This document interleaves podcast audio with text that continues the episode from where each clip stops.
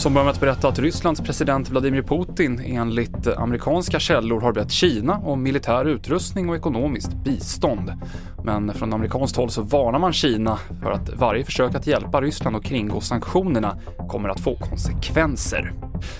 Striderna i Ukraina har fortsatt under natten. Den här rapporten lämnade vår reporter Johan Fredriksson som befinner sig i Ushgorod i västra Ukraina. Här har då flyglarmet ljudit i, nu tror jag det är uppe i 19 av 24 regioner och framförallt storstaden Charkiv har drabbats hårt i natt och tidigt på morgonen så har eh, flera bostadshus träffats av ryska missiler och vi har också rapporter från den belägrade staden Mariupol där situationen för de civila är mardrömslik enligt Röda Korset.